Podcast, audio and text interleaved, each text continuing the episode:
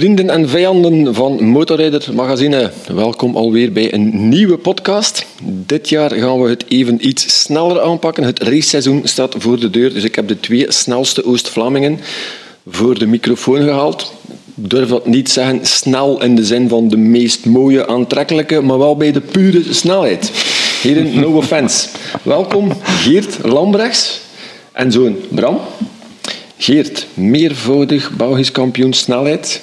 Ducati, Laverda, BMW Boxer Cup. Enig idee hoeveel titels in totaal dat er ooit behaald zijn? Uh, zes keer Belgisch kampioen en één keer Rookie of the Year op het Eid of Man. Dat ging ik er net nog bij halen, 2004. 2004 Het snelste oranje hesje op het eiland Man. Ja, uh, 20 jaar geleden. Ja.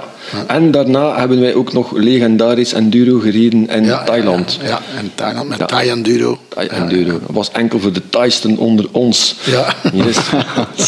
Bram, ook jij, welkom. Dag Bart. Uh, het snel bloed, dat, uh, ja, dat, dat, uh, dat is duidelijk doorgegeven. Belgisch en Benelux supersportkampioen 2023. Ja, op juist. het Panigale V2. Ja. En nu voor een heel belangrijk seizoen, veronderstel ik, 2024, overstap naar het Superbike kampioenschap op een Panigale V4R. Ja, inderdaad. Yes, Ja. Zeer goed. En rijcoach ook ondertussen. Instructeur op circuit. Eh, ja, eh, iets dat in wording... eh, allee, dat komt in wording eh, in de toekomst. Dus, Oké. eh, Ja, maar goed. we, we zijn het wel al aan het proberen. Dus. Ja.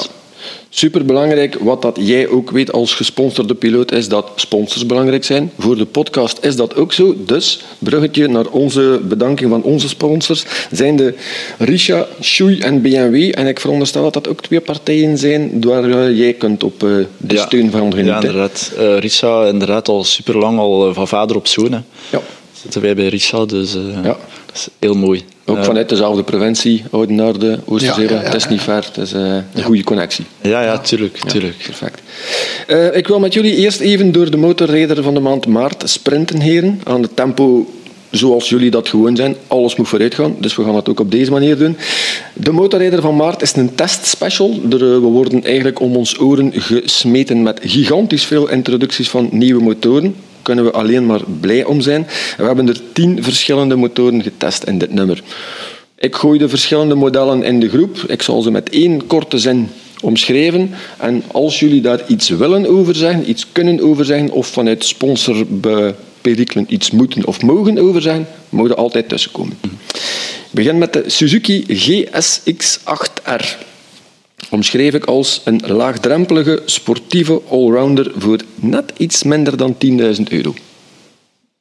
Ik denk prijs-kwaliteit zit goed. En ehm, ik denk dat er wel in de blok ook wel iets in zit. Want eh, in het BSB denk ik dat ze die moeten ook gaan gebruiken. Ja, oké. De BMW R1290. Iets minder café-racer geworden dan vroeger. Iets meer allrounder qua gebruik voor een algemeen publiek. Iets voor jullie? Eh, ja, in eh, een boxercup eh, heb ik een idea met in een vorige gereden. In een eh, R90. Ja. Was superwijs mooi toen. Ja. Echt waar. ja. En jij hebt vroeger, denk ik, ook superveel plezier gehad aan een boxercup. Hè? dat Ja, was ja, een van de leukste categorieën en klasses waarin dat er gekoerst is. Een Met, R1100S was dat. Hè. met hele grote namen ook. Hè. Ja, dat ja, aan de ja, start ja. stonden en wat ook al op het scherpst van de sneeuw Kevin. Swanze nog meegereden. Ja. Eh, Cadalora, Ja.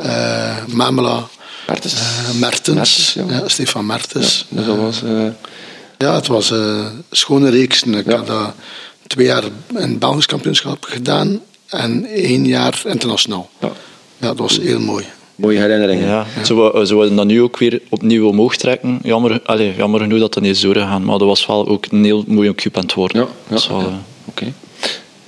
Triumph heeft de Speed 400 en de Scrambler 400X gelanceerd. Helemaal in lijn met wat Triumph momenteel doet. Heel kwalitatieve motto's, ook in het instapsegment. Eh, voor mij, de Triumph is wel plezant. Door de, door de Moto 2 blok natuurlijk. hè. Voor de rest, uh, Triumph, ja. Oké. Ja. Dan komen we iets dichter bij uw winkel weer eh, met de Ducati Hypermotar 698 Mono. De nieuwe standaard in het supermoto-segment, wat dat op zich eigenlijk misschien niet eens zo heel moeilijk was, omdat er eigenlijk maar één grote concurrent is. Het is vrij duur speelgoed, maar het ziet er wel heel leuk speelgoed uit. Je hebt ook al supermoto competitie gereden. Hè? Ja, ja, in 2017 uh, hebben we dan een keer gereden. Inderdaad. Ja, uh, en nu ja, het juiste merken. ja. ja, sprak hij zonder sponsorverplichtingen. we zakken qua fungehalte of qua sportiviteitsgehalte misschien een heel klein beetje, dan wel uh, negen punten op een schaal van 10 waarschijnlijk. Met de Kawasaki Eliminator 500 SE.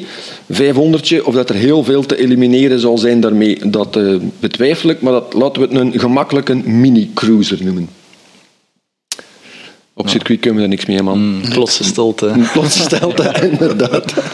ja, dat kan, hè, dat mag, geen probleem. Moto Guzzi Stelvio, uh, die ben ik zelf uh, gaan testen vorige week in Almeria.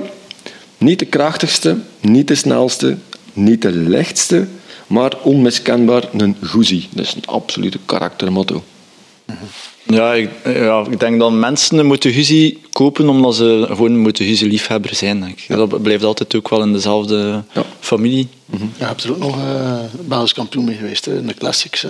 Ja, het is juist. Ja. Dat, is juist. dat is al even geleden. Oké. Okay. Ja. En met wat model was dat dan? Met Le Mans. Met Le Mans? Ja. ja. Okay. Dat is al uh, ja. Cool. Met, uh, met steun, met VRA was dat uh, vanuit? Nee, dat was voor ICM. Oké, okay. ICM Moto. ICM ja, Moto, dat is incentiefs uit dan. Oké. Okay. Dan nog weer naar een totaal andere categorie.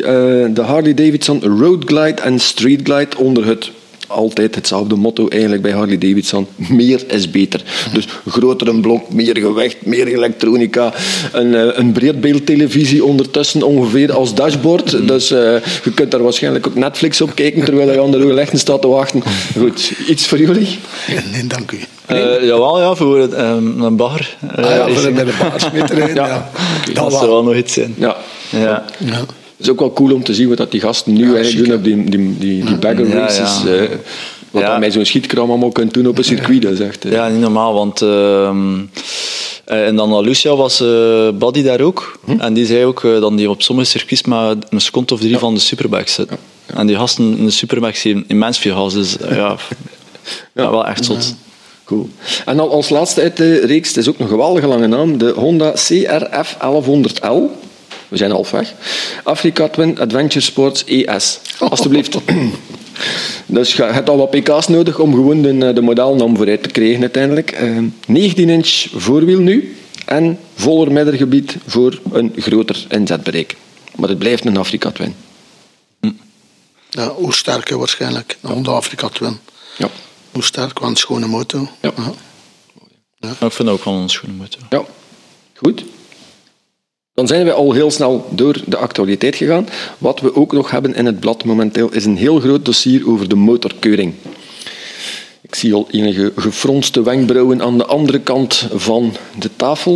Uh, we hebben dus een enquête gedaan, ook op, uh, op onze site, waaruit blijkt dat heel weinig mensen een, uh, een meerwaarde zien in de motorkeuring eigenlijk.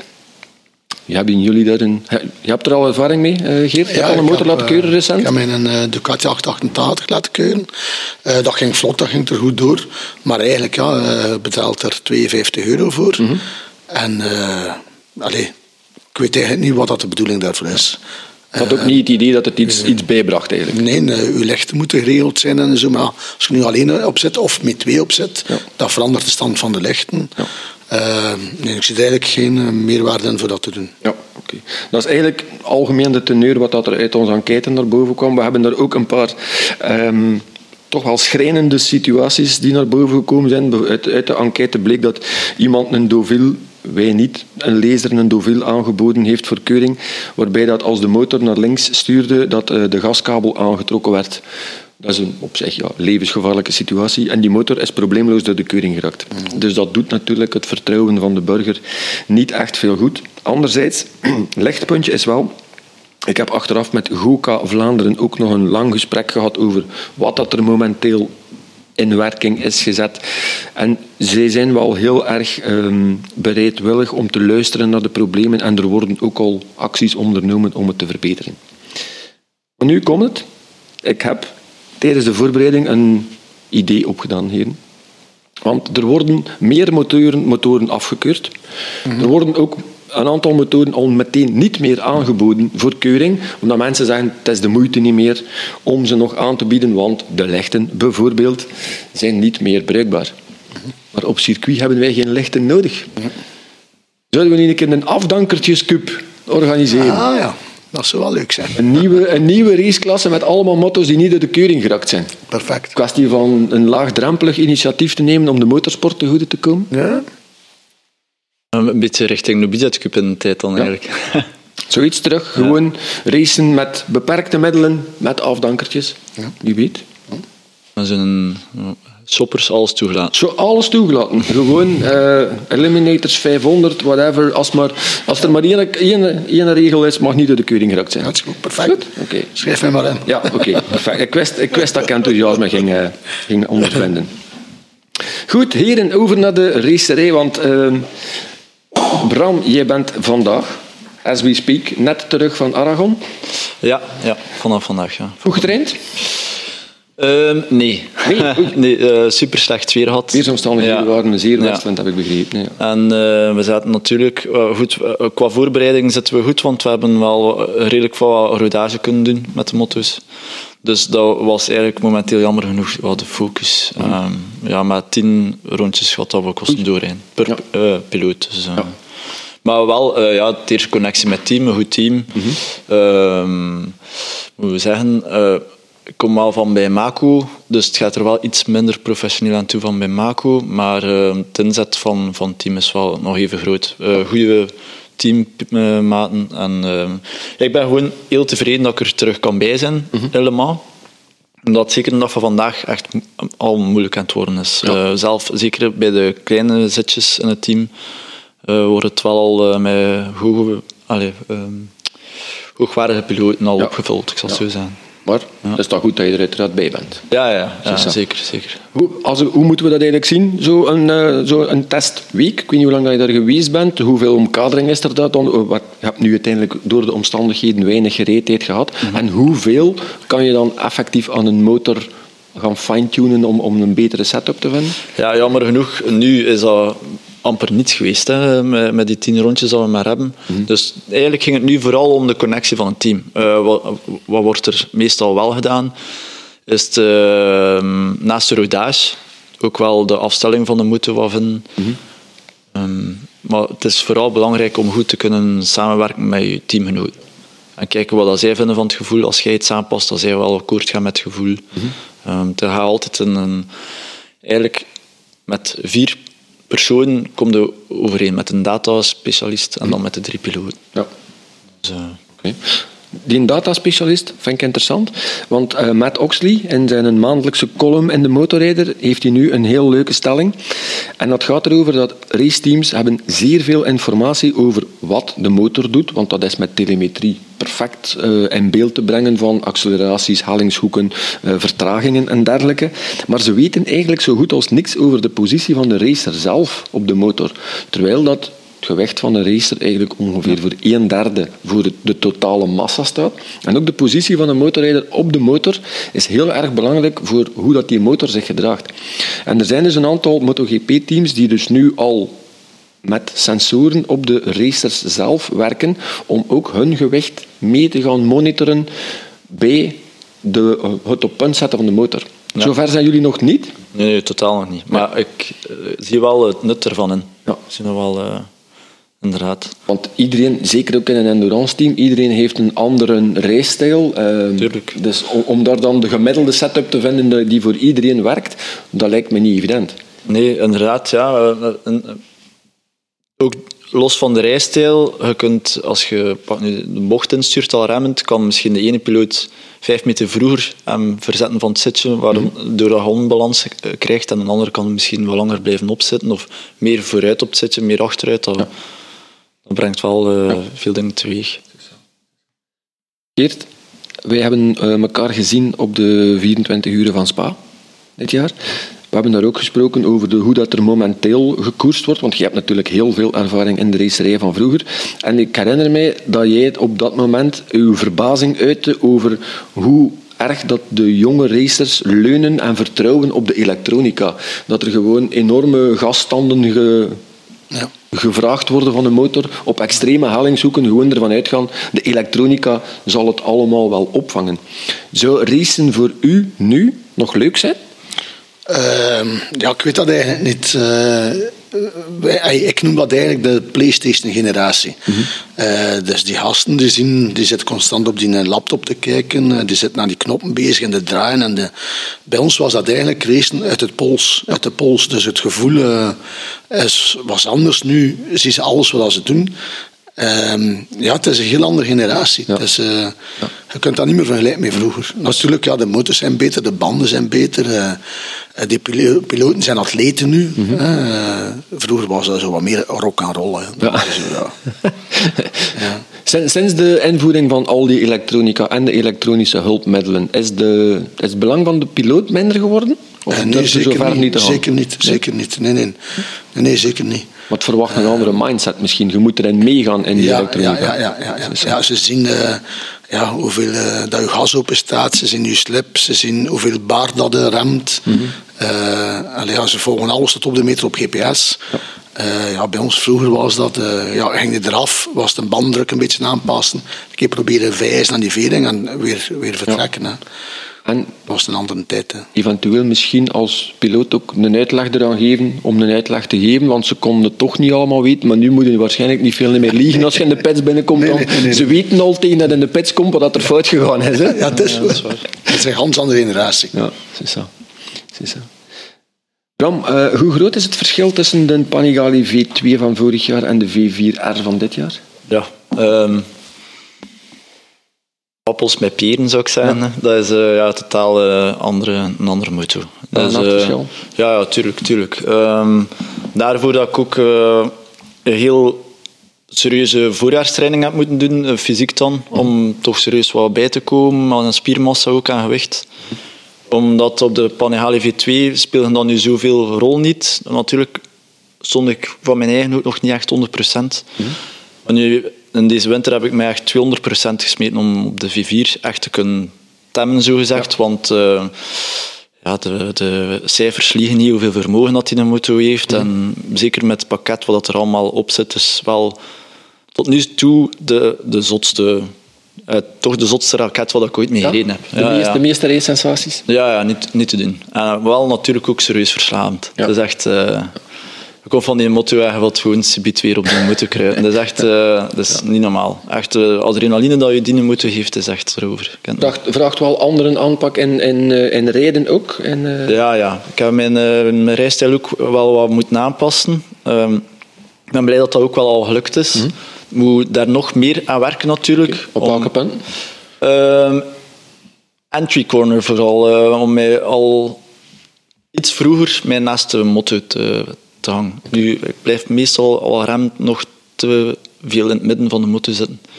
Terwijl uh, allee, uitgaanbocht, eh, vanaf midcorner naar uitgaanbocht gaat dat wel, maar ik moet mij nog meer uh, pushen. Ja. Ik moet daar nog iets vroeger mee werken. Ook gewoon om die motor zo vanaf het voorwiel ook zo, zo, vroeg mogelijk, allee, zo vroeg mogelijk op de gas te kunnen gaan om het voorwiel op de grond te krijgen.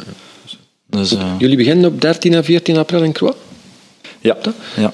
Dan vraag ik me af, wat kun je met zo'n motto op dat circuit gaan doen? Ja, dat vraag ik mij ook af. ah, ja. Bedoel, ja, ja. Dat is eerst en tweede vitesse en dat zal het ongeveer zijn? Ja, zo, ja, we gaan wel met de verstanding spelen, ja. maar uh, Andalusia is al een groot circuit en voor mij was dat circuit zelf met die motor nog te klein. Ja. Omdat dat echt, uh... Want dat, dat, zijn toch motoren die, die om grote circuits, ja. om daar iets uit te halen, ja. uh, dat we zijn geen Mickey Mouse motor. We gaan zeker niet in het voordeel zijn, dat niet. Um, daarom dat we ook heel hard werken om dan toch te proberen uh, goed te krijgen, want die motor komt eigenlijk tot zijn recht echt op grote circuits. Ja. Maar het is wel gewoon alleen voor het idee om met die motor te kunnen aan de start te staan, met dat pakket, met alles wat erop zit, is echt, het echt dicht bij, bij een, een goede IDM-spec moet ook, zal het zo zijn. Wat dat dan natuurlijk ook wel druk geeft. Want je gaat het er wel moeten mee bewijzen. Ook je gaat met een van de beste, misschien niet de, zelfs de beste motto van de, aan de start staan. Uh, ja, ja, de druk is er wel, maar kan, kan er wel, met, met druk kan ik goed overweg. Ja, zoals de laatste koers vorig jaar in Croix was de druk immens hoog en ik kon echt wel goed presteren onder druk. Ja, okay. En ben dit jaar echt super gemotiveerd om met die motto mm -hmm. ja, weer kampioen te worden. Ja. Dus. Ja. Hoe ga je nu die laatste maand voor Croix nog voorbereiden? Zowel qua fysieke training als qua rijtraining. Zit er nog veel rijtijd in, in die laatste vijf, zes weken? Um, rijtijd niet. Wat we nu hebben naartoe gewerkt is vooral, gelijk hoe ik het al zei, naar de spiermassa. Dus um, voor, uh, voorbereiden naar Croix toe. Maar vooral in maart gaan we werken aan de voorbereiding naar Le Mans toe. Okay. Ga ik veel meer cardio doen. Ga ik veel meer, ja. Uh, ja. En waar dat je dan weer moet aanpassen van motor? Ook ja, inderdaad. Ja. Het is een gigantisch verschil van de Ducati naar de Suzuki, omdat Suzuki heeft echt nog geen stappen gemaakt in de laatste jaren. Mm -hmm. Dus ja, het is wel aanpassen. Ik, ik, had het nog gezegd, zeg, het is precies dat we ons hebben ingeschreven voor de 24 uur classic. maar ja, goed, uh, het, is wel een, het is wel een goede motto. Ja. Dus, uh, maar het is echt wel weer back to basics, hè, want uh, al die elektronica die op die Ducati zit, zit totaal niet op die Suzuki. Ja. Het is echt... Uh, weer... vader zou weer kunnen meedoen. Ja. kan er invallen. Ja, inderdaad. Wat doe je eigenlijk liefst? Endurance of gewoon? Um, dat is de moeilijke, want voor de ervaring en voor het gevoel endurance, want je komt in een mega setting met alle grote piloten, maar het is wel een kwelling. Hè. Het is voor iedereen, elke piloot is de kwelling. Het is doodgaan 24 uur. Ja. Um, allee, toch zeker de laatste 12 uur is het gewoon doodgaan voor iedere piloot. Dan iedereen zit wel op een moment in endurance bezig van ja, wat ben ik hier eigenlijk aan het doen. Ja. Sowieso. Maar het is wel, ja, de overwinning achteraf, het is hetzelfde gelijk een marathon lopen, denk ik dan, mm -hmm. want ik heb dat niet gedaan. Um, dat gewoon, de voldoening achteraf is enorm. Hè. Dus, uh... En ook nog meer een, een team effort eigenlijk? Iets dat Tuurlijk, ja. ja, ja, ja. Ah, ik vind dat gewoon gek. Het zit echt in een zo klein hoekje. Ik, ik heb dat al veel herhaald.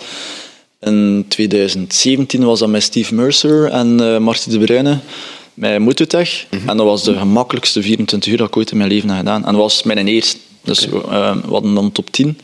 En dan dacht ik van, ja, oké, okay, is dat... Ik zeg, ik zie dat zeker zitten, maar sindsdien... Uh... en we, we, hebben een prachtig seizoen gehad, een supergoed seizoen. Mm -hmm. um, en daarna, ja, is het, uh, is het nooit niet zo goed gegaan, of het eerste jaar dan eigenlijk. Ja. Het zit allemaal in zo'n klein hoekje. Hij kunt fout maken, je teammaat kan fout maken, het team kan fout maken. Uiteindelijk is het 24 uur lang, hè? Ja, zeker. Ja. ja. Om er, om er const, constant uh, te draaien, dat is het eigenlijk. Ja. Het is die... Ja. Super. Wat de opbouw van het seizoen betreft, in de, in de MotoGP is er nu toch wel de discussie dat 21 raceweekends van begin maart tot eind november, met iedere keer twee races ook en al, dat dat toch wel veel begint te worden, dat dat en te belastend begint te worden, ook voor die grote teams. Terwijl dat in de lagere klassen, met alle respect, een BK is nog altijd, of een Benelux Cup is nog altijd een nationale categorie, dat de, de kalenders daar net eigenlijk jammer genoeg redelijk leeg zijn. Um, waar ligt voor u de, de goede balans eigenlijk? Want jij moet, jij, jij moet nu, nu eigenlijk wordt bijna verplicht om tussen de verschillende uh, klasses en categorieën te gaan hoppen om, om een schoon seizoen bij elkaar uh, te krijgen. Hè? Ja, tuurlijk. Maar ook los van uh, het BK is dat ook bij de 24 uur eigenlijk. We rijden wat te weinig wedstrijden. 24 uur zijn er genoeg, want dat is toch een kwelling voor je lijf. Ja. Maar... Um, eigenlijk acht uur wedstrijden of zes uur, wat er vroeger wel in zat, mm. gaan er nu wel wat stilletjes aan van tussen. En op dat vlak vind ik wel dat er wat meer wedstrijden mogen zijn. Het Belgisch kampioenschap is natuurlijk een, een andere um, categorie. En daar vind ik het heel, heel erg jammer dat als ik tegen iedereen zeg van de piloten van buitenaf, in verband met het Belgisch kampioenschap, dat ik zeg dat er Spa-Francorchamps er niet tussen zit, zeggen ze, allee, uh, je kunt ja. dat nu toch niet verstaan, dat dat er niet tussen zit. Het mooiste circuit van de wereld Tuurlijk. ligt in ons land en zit er niet tussen. Tuurlijk, ja. dat is niet te doen. Um, ik versta wel dat dat soms budgetair niet lukt voor sommige piloten, dan ze daar uh, um, over struggelen natuurlijk, maar als je kijkt naar de IDM, is, is de inschrijving gewoon nog tien keer zo hoog. Allee, bij wijze van spreken, maar het is echt extreem veel hoger. En daar is er ook een vol startveld. Ik denk nu dat je op dit moment aan het niveau dat je in België zit, als je daar een paar keer Frankenstein steekt, dan er ook wel heel veel wildcards zullen naar meedoen. Mm -hmm. um, omdat ze ook de endurance daar ook rijden. Dus ja, ik, voor mij... Waardoor je sowieso ook weer een interessanter deelnemersveld krijgt. Tuurlijk. Meer interesse van het publiek, hopelijk. Alhoewel dat altijd... Uh... Ja. Ja, ik nu... Uh, vorig jaar was er, uh, waren maar 39 teams ingeschreven uh, voor de 24 uur van Francorchamps. Uh, ik heb nog gereden in, in Le Mans, waar dan er onder de zeven teams ingeschreven waren. En het mochten maar 72 aan de start. Dus had al in de kwalificatie had al een volledige race. Ja. Uh, natuurlijk had het enorm veel verduurd. Hè. Mm. Alles is enorm duur geworden. Ja, ook in TBC is nu aan het uiten, hè, eigenlijk. Ja. Stilletjes aan. Vooral ook, je ziet het verschil in Le Mans. Bij het eerste jaar dat ik reed, of nu, ja. zijn er ook wel weer wat, een paar teams uitgestapt. Mm -hmm. Qua, qua, budget, daar wil ik het eigenlijk ook nog even over hebben. Want ik wil nu stilletjes aan ook kort een overstap gaan maken naar de MotoGP. Want dat seizoen uh, begint ook weer volgend weekend. Kwestie van een paar stellingen aan jullie voor te leggen.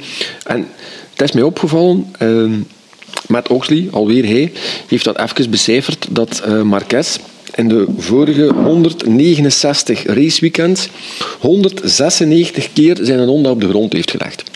Ja. Dat zal een redelijk dure grap geworden zijn voor Honda, veronderstel ik. Maar ik vroeg me af, bijvoorbeeld, met die Panigale V4R is het ook niet de bedoeling dat je die vier keer per seizoen in de grindbak parkeert. Als je daarmee race met een dergelijke machine, met een dergelijke kanon, hoeveel marge moet je zelf nog houden eigenlijk? Dat is echt van, ik moet hier ook wel zien dat een boel heel blijft, want volgende maand moet er weer met een volledige motor liefst geraced worden. Ja, dat is wel altijd een jaarlijkse discussie. Uh, en ik ben blij dat dit jaar die discussie eigenlijk van tafel is. Daar, want de piloot ja, moet je ook uh, kunnen focussen op je mhm. rijden, je moet de limiet opzoeken. Ja. Dus de kans zit er wel altijd in. En wat nu vorig jaar heb ik ook constant de limiet opgezocht, maar heb ik nul crashes gehad. Ja. Dus uh, je kunt een seizoen hebben dat je echt, ja, het zit gewoon in een heel klein hoekje. Dus, mm maar dat blijft wel altijd in je hoofd spelen. Dus ik ben wel blij dat we dit jaar die discussie niet moeten hebben. Dus. Ja. Want anders kan dat inderdaad wel een, een redelijk kostelijke grap worden natuurlijk. Ja, tuurlijk. De naam Marquez is uh, gevallen. Wat verwachten jullie van uh, Marc Marquez op de Grisini Ducati? Gaat hij functioneren in een privéteam? Hij die altijd de weelde van een fabrieksteam gewoon, gewoon is geweest? Ja, als ik dat zo hoor, ligt de druk precies wel echt heel hoog op Marquez. Want iedereen dat hoort babbelen over de GP, die een beetje ja, ofwel een Ducati-liefhebber is of Marquez, is Marquez. Mm -hmm. En ik denk eerlijk gezegd, oké, het is een heel sterke piloot als hij zijn element zit, het is echt een topper. Maar ik denk dat hij nog te veel moet aanpassen van op Ducati. Geen idee. Het startveld is sowieso heel sterk. Hè. Maar ik weet wel, als hij ermee gaat overweg kunnen, en we zien een Marquez van vroeger, ja, dan kunnen we hem niet stoppen. Want zijn eerste tests op Valencia waren natuurlijk, wat er nog niet mee gereden, waren ook wel zeer veelbelovend. Nadien is hij ook wel alweer een keer afgestapt. Ja, inderdaad. Ja, dan gaan we zien hoe lang ook dat hij er gaat kunnen blijven opzetten, ja, ja, of niet. Want het is ook iemand die, die altijd op de limiet rijdt. Hè. Ofwel, ofwel rijdt hij niet, ofwel rijdt hij vol op de limiet. Hè. In de tussenweg is er bij Marquez niet. Hè. Dus... Ja, nee, nee, dat is waar. Um, ja, zie je ook wel aan de gesprekken dat ze ook zeiden toch dat hij uh, wat iets meer in een Ducati moet rijden. Nu heeft hij wel al superveel rondetjes gemaakt, mm -hmm. ook op die Ducati. Ik weet het niet wat dat gaat geven, maar ik sluit het niet uit of dat het ook nog altijd Bagnaia kan zijn, of een Martin, mm -hmm. Of uh, een Bastianini. Ja. Maar Marquez heeft nog niet gebeld naar u voor tips? nee. nee. Okay. Oh, je weet nooit. Hè. Ja, Bagnaia, wat, uh, wat moeten we daarvan verwachten? Um, ik denk, ja, als het allemaal goed zit en hij is... Ja, het is gewoon heel onvoorspelbaar, vind ik, dit seizoen. Mm -hmm. Ik ben nu ook wel fan van Bagnaia. Ik ben ook wel heel fan van uh, Martin. Mm -hmm. Omdat hij, je ziet wel soms ook dat er echt heel veel vuur in zit. Um, ik denk dat er heel veel te zien valt. Ja, we zullen zien achter de eerste wedstrijd. Valt echt, um, mm -hmm. echt te zien. Het zijn echt ja. zoveel, alles staat open. Hè. Dus... Ja. Bij Bagnaia heb ik de vraag, is die mens mentaal sterk genoeg om eigenlijk drie jaar op rij ervoor te knokken? Want die geeft zeer vaak aan van dat er toch wel veel stress bij komt kijken en dergelijke. En, en ik weet het niet, na twee, na twee op één volgende titels vraag ik mij af of dat hij in zijn hoofd sterk genoeg gaat zijn om dat drie keer te doen. Ja, ik moet zeggen... Um, ik dacht dat ook natuurlijk. Of dat hij, ik dacht dat ze hem vorig jaar met Martin dat ze hem wel aan het breken waren. Maar... Um, wat ik wel zag, is dat hij wel op het einde van, van het seizoen wel nog de sterkste... En de constante was. De constantste was. Dus ja. hij kon wel omgaan met die druk. En Martin ging er wel, toch zeker de laatste koers ook wel los over. Ja, ja.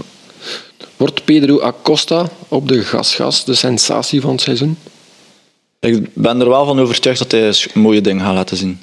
Nou wel, natuurlijk, ja, hij zit wel op een gasgas tegen de Ducati-club dan weet ik niet wat dat gaat geven. Maar ik ben er wel... Ik als je soms ziet dat ehm, Binder ook wel hier en daar Mhm. in zo'n podium kan staan, een keer kan uitschieten, een keer eh, voor de overwinning kan s- strijden, denk ik zeker dat een Acosta dat ook kan. Zeker nu al in zijn rookieseizoen. Ja. En zeker ook als je ziet wat dat hij al gepresteerd heeft, welke tijden dat hij nu al gedraaid heeft. En ik denk dat misschien wel de meest talentvolle coureur op de grid zal zijn. Ja, dat denk ik ook. Ja. Als je ziet van waar dat hij komt en wat, dat hij, wat dat hij al neergezet heeft. Ja, ja, ja. En ook, ik denk ook eh, mentaal ook zeer sterk, als je dat ziet.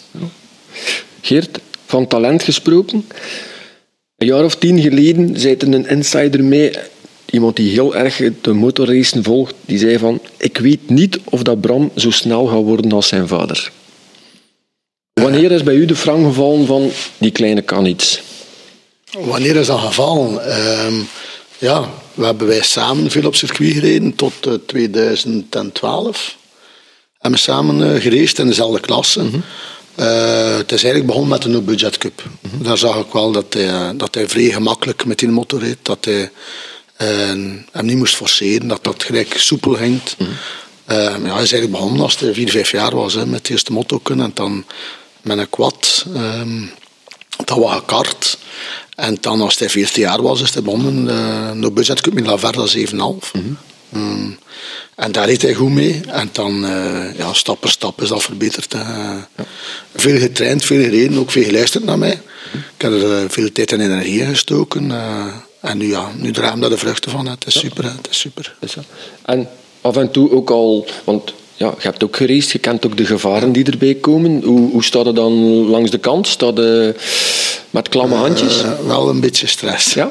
Ik, ik heb meer stress als hij rijdt, of dat ik ooit had dat ik zelf heb.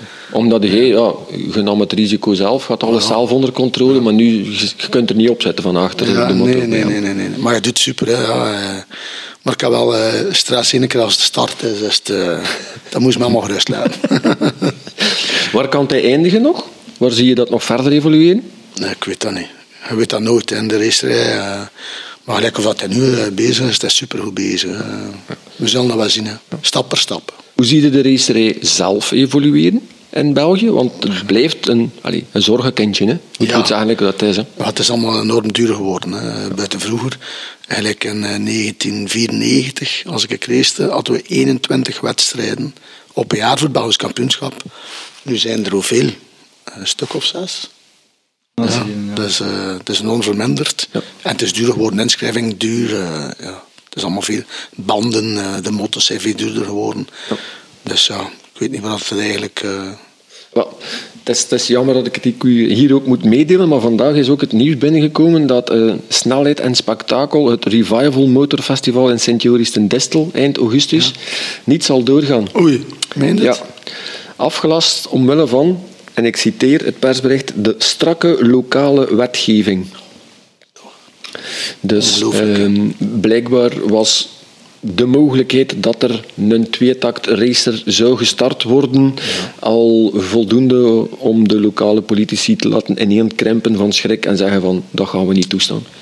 Ja, waar gaan we naartoe? Hè? Dus ik vermoed dat het volgende dorpsfeest daar ook zal afgelast worden, want als de fanfare passeert en eh vol de Brabanson begint te toeteren, gaan zij ook boven die 80 decibel, denk ik, en dat zal het ook gedaan zijn. Hè. Ik weet niet of dat zij ook twee takdampen produceren, die mensen, maar dat, dat zouden we dan nog wel zien. Dat is triestig. hè. Jammer, hè? Ja, echt triestig. Ja, België en de motorsport, eh, ja, dat gaat alles is niet samen. Maar als we dan toch stilletjes aan naar de eh, afronding gaan, dacht dat ik ook nog positief nieuws kon melden. Klopt dat dat jij, Geert, ook weer raceplannen zou hebben? of heb ik daar van op de motorbeurs in Utrecht in de wandelgangen een eh, fout gerucht opgevangen? Maar ja, eh, ik ben nog een beetje aan het vermageren. Oké. Maar als ik op mijn kilo's kom, ga ik wel weer eh, terug met de motto een beetje rijden. eh. En in welke categorie? Dat weet ik nog niet. Want jij bent iemand, jij gaat blijven koersen. Ik zie u al voor mij in het rusthuis ooit een rollatorkoers doen. Met, Ja, dat met, kunnen. uw gebuur van kamer 78. Dat zal dat om te traps tot bij zuster Antoinette zijn voor het avondeten met een rollator. Juist? Ja, is goed. Jij kunt, jij kunt niet rustig leven. Ja, nee, nee, nee, bestaat dat moet niet ook, hè. Dus dat, hè. Dat moet niet. hè. Moet wel zijn, dat is ook wat het eerste dat ik er nu van hoor. Ja, maar ja, jij gaat in het buitenland gaan trainen. Je kunt niet met alles mee zijn, hè, vriend. Dus, eh, ondertussen gebeurt hier ook van alles. Hè. Yes, heren, het was mij zeer aangenaam, deze babbel. Super bedankt allebei om eh, hier naartoe te komen. Bram, heel veel succes met het, eh, met het seizoen. Ja, bedankt. Geert, eh, heel veel succes met de comeback in eender welke klasse dat het ook mag zijn. Uh, aan alle luisteraars uiteraard bedankt om te, om te luisteren. Volgende maand zijn wij er uiteraard niet opnieuw met meer weer, maar met meer motornieuws. Want wij zullen tegen dan getest hebben Yamaha MT-09, Husqvarna Vit en Zwartpillen 401, BMW M1000XR 200 pk hoogpoter, alstublieft. Spuw maar in de handjes. Ook interessant, heren. Kawasaki ZX6R en Honda CBR 600RR, die allebei hun comeback maken. De Moto Guzzi V85 TT en, superbelangrijk ook, hou de website motorrijder.be in de gaten, want de verkiezing van de droommotor komt terug. Dus meer dan genoeg om ons aan op te warmen tegen de volgende maand. Dus, dames en heren, bij leven en welzijn, tot de volgende keer. Bedankt, Bart. Dank u wel.